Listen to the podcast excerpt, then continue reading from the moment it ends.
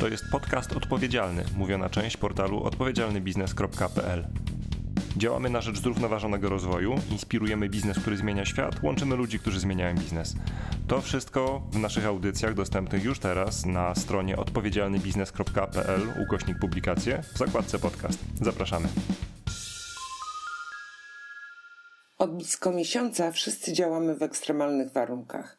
Jednak ta sytuacja wyzwoliła też dużo dobrego. Widzimy liczne przykłady solidarności społecznej i zaangażowania indywidualnego, obywatelskiego, organizacji i biznesu. Chcemy te przykłady upowszechniać, stąd pomysł na akcję Forum Odpowiedzialnego Biznesu Biznes reaguje odpowiedzialnie oraz NGO reaguje odpowiedzialnie, ale to tylko jedna strona medalu. Drugą jest powszechna niepewność i obawy o nasze zdrowie i przyszłość naszą, naszych bliskich, los organizacji, przedsiębiorstw i nas jako pracowników.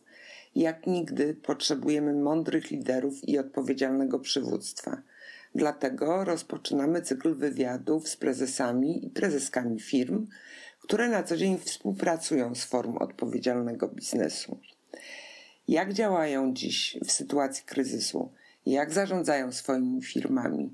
To bardzo ważne i potrzebne głosy bo test na społeczną odpowiedzialność firm i zrównoważony rozwój właśnie się rozpoczął. Serdecznie zapraszamy do wysłuchania rozmowy z prezesem firmy LPP SA Markiem Piechockim, który jako pierwszy przyjął nasze zaproszenie do podzielenia się tym, jak dziś funkcjonuje jego firma. Dzień dobry panie prezesie, bardzo dziękujemy za tę rozmowę. E, zacznijmy od tego, jak dziś funkcjonuje LPP i co dla Pana osobiście jest największym wyzwaniem? Zarówno LPP, jak i, i setki innych firm, które mm, pracują w sektorze handlu e, i usług, tak naprawdę z dnia na dzień spotkały się z tym, że, że nasi pracownicy przestali się spotykać z klientami, przestali mieć bezpośredni kontakt z klientami.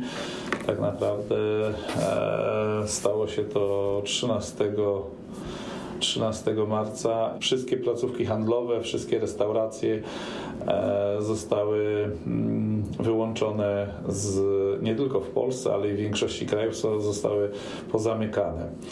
Niestety to się wiąże z tym, że, że zostaliśmy pozbawieni przychodów, a równolegle musimy ponosić e, zobowiązania, czyli mamy mm, zobowiązania do naszych pracowników, do naszych dostawców, którzy, którzy nam wyprodukowali kolekcje. I tak naprawdę największym wyzwaniem dzisiaj jest zarządzanie, zarządzanie tymi e, ludźmi w tym kontekście, żeby zachować jak największą liczbę miejsc pracy, no bo mamy tą świadomość, że mm, niedziałające placówki mm, e, generują koszty po różnych stronach, również po stronie pracowniczej. No i w związku z tym mamy w tej chwili już specustawę, e, która w jakimś stopniu nam pomaga. Będziemy się bardzo mm, mocno nad nią pochylali, żeby zobaczyć, na, jak to się da zaaplikować e, w poszczególnych placówkach sklepowych. No i to jest pewnie takim największym naszym wyzwaniem, żeby uchronić tych miejsc pracy jak najwięcej. Wobec tego, jaki scenariusz rozwoju na przyszłość Pan widzi? Jakie scenariusze na najbliższe miesiące ma LPP? Tak, na początek to jest e, taka duża świadomość, że właściwie dzisiaj walczymy wszyscy o to, żeby myśleć o zdrowiu, o życiu mm, wszystkich Natomiast e, równolegle mamy chyba tą świadomość, że cały świat, nie tylko Polska, ale cały świat e, po, mm, po tym, jak się uparamy z, z tą pandemią, będzie w e, dużej recesji. Jak duża wydaje się, że ona, przynajmniej pisze się o tym w światowych mediach, że będzie największą w historii że będzie dużo większa niż ta, która miała miejsce w 2008-2009 roku, która była okrzyknięta największą recesją od czasów e, wielkiej recesji w 29. Mówi się o tym, że ta będzie większa, natomiast no, no z drugiej strony rządy starają się wspierać gospodarki na różne sposoby, przez stymul, stymulację, e, przez wkładanie dużych pieniędzy w, w gospodarkę. Natomiast e, no, ważne jest to, żeby w tej po pandemicznej sytuacji e, uchronić jak najwięcej miejsc pracy. No tak, ale jak to zrobić? Założyliśmy Związek Polskich Pracodawców Handlu i Usług, żeby rozmawiać z e, ustawodawcami, żeby rozmawiać o tym, jaki, e, jaki te mm, przepisy, które zostały wprowadzone 13 marca, mają wpływ na naszą branżę, na nasz sektor. E, dlatego się jednoczymy. No ale tak naprawdę to trzeba mieć świadomość, że w dłuższej perspektywie mówimy o recesji, przygotowujemy się do niej. Mamy plany polegające na tym, żeby w recesji to się mówi o tym głośno, że trzeba jak najbardziej dbać o to, żeby mieć gotówkę, a nie, nie myśleć o zyskach. A co to konkretnie oznacza na poziomie firmy?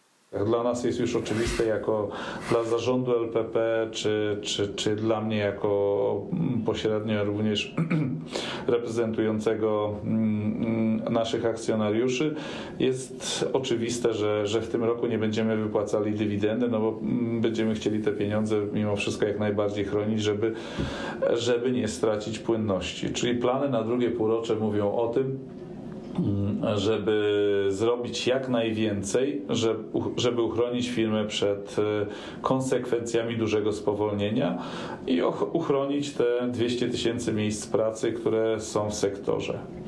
Natomiast jak to będzie wyglądało szczegółowo, myślę, że nikt z nas nie wie. Przygotowujemy się na najgorsze, no bo tak jak powiedziałem, nigdy nie mieliśmy sytuacji takiej, jaka jest w tej chwili.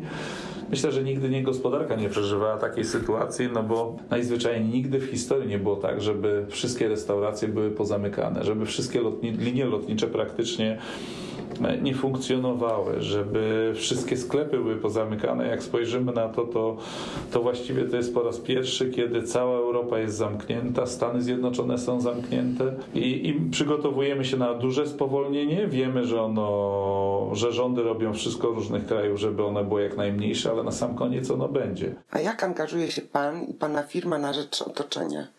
Jak wiemy, LPP pomagało walczyć z koronawirusem, kiedy nikt nie przewidywał pandemii a o koronawirusie mówiono tylko w kontekście Chin. Ja wychodzę z założenia, że najlepiej, żeby każdy się skoncentrował na tym, co najlepiej umie, i, i wtedy ta pomoc jest bardziej skuteczna. I ponieważ my w obszarze Chin mm, pracujemy już od 30 lat, mamy dużo, dużą wiedzę, świadomość, jak, co i gdzie robić.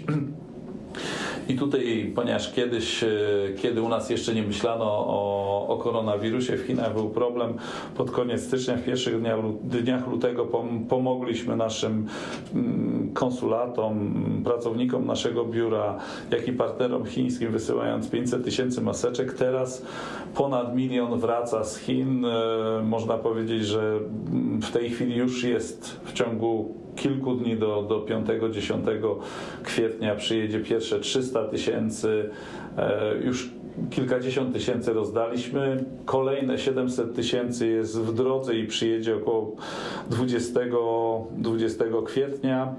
Czyli to jest bardzo duży transport tych masek i one będą się pojawiały w polskich szpitalach e, i tu chcemy faktycznie obdzielić jak największą liczbę tych szpitali, tak żeby, żeby przynajmniej w jakiś sposób wesprzeć, ale z drugiej strony w Związku Polskich Pracodawców Handlu i Usług skrzyknęliśmy się i rozpoczynamy produkcję w Polsce zarówno maseczek, jak i kombinezonów i myślę, że to jest bardzo duża siła. Wczoraj się zwróciła do nas Agencja Rozwoju Przemysłu i wspólnie ustalamy nasze moce produkcyjne, żeby rozpocząć tę produkcję jeszcze w tym tygodniu. Równolegle pomagając e, kancelarii premiera w pozyskiwaniu sprzętów e, w Chinach e, i tam są kombinezony, maski, różnego rodzaju rzeczy. Także no, robimy dużo, natomiast no, ja jakoś patrzę z dużą ufnością, że, że nie tylko my, ale tak jak mówię, te 150 ponieważ reprezentujemy w dużej mierze polskich przedsiębiorców, w tym Związku Polskich Pracodawców Handlu i Usług, którzy bardzo dużo szyją w Polsce, zarówno LPP, jak i firmy typu Ochnik, Tatum, Monari i inne. Mamy tu bardzo dużo szwalni i będziemy również w Polsce szyli czy kombinezony, czy maseczki, czy fartuchy, które są w szpitalach w tej chwili bardzo potrzebne. To jest nasze działanie, natomiast no, ja się cieszę, że nie tylko my, mm, że również, nie wiem, mm, działamy również w fundacji pana Leszka Gierszewskiego z Bytowa, pomagamy. E, cieszę się, że wielu Polaków się w to zaangażowało. Sytuacja jest bezprecedensowa. Jesteśmy pełni niepokoju, obaw na różnych poziomach. Czy jest jednak coś, co dziś Pana cieszy?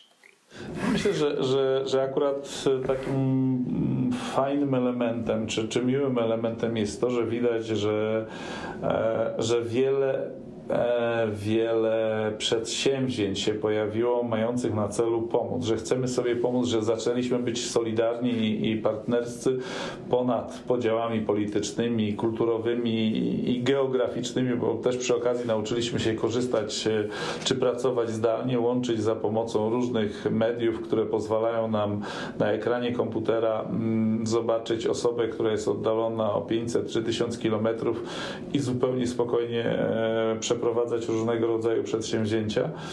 Najfajniejsze jest to, że, że widać, że tych inicjatyw takich, które starają się pomóc w tej trudnej sytuacji, w różnych obszarach. No przede wszystkim pewnie służbie zdrowia, bo ona potrzebuje tej pomocy najbardziej w postaci czy kombinezonów, czy sprzętów, czy, czy maseczek. Yy to widać du dużą mobilizację społeczną. Nie tylko, nie tylko my jako firma, ale można powiedzieć, że, że, że to jest coś, co, co, co raduje, bo widać, że wiele firm, e, wiele przedsiębiorstw i ludzi samodzielnych, małych, czy w ramach pomagania temu, że zrobię komuś zakupy, czy w ramach tego, że dowiozę komuś zupę, to jest taka ogólna mobilizacja społeczna.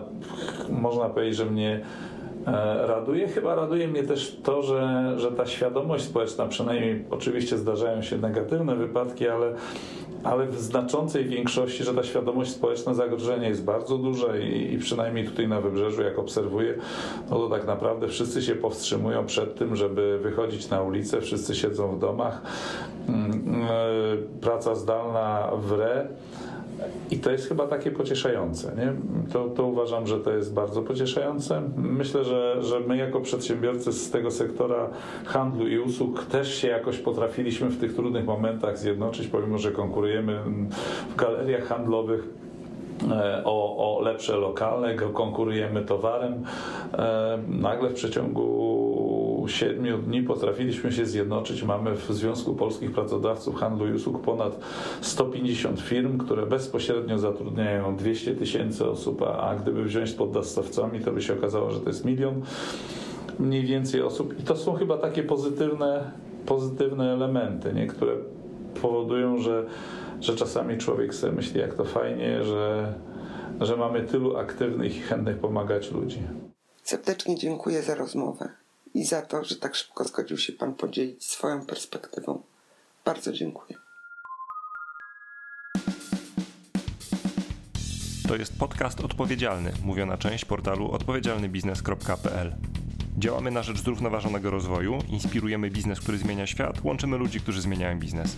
To wszystko w naszych audycjach dostępnych już teraz na stronie odpowiedzialnybiznes.pl ukośnik publikacje w zakładce podcast. Zapraszamy.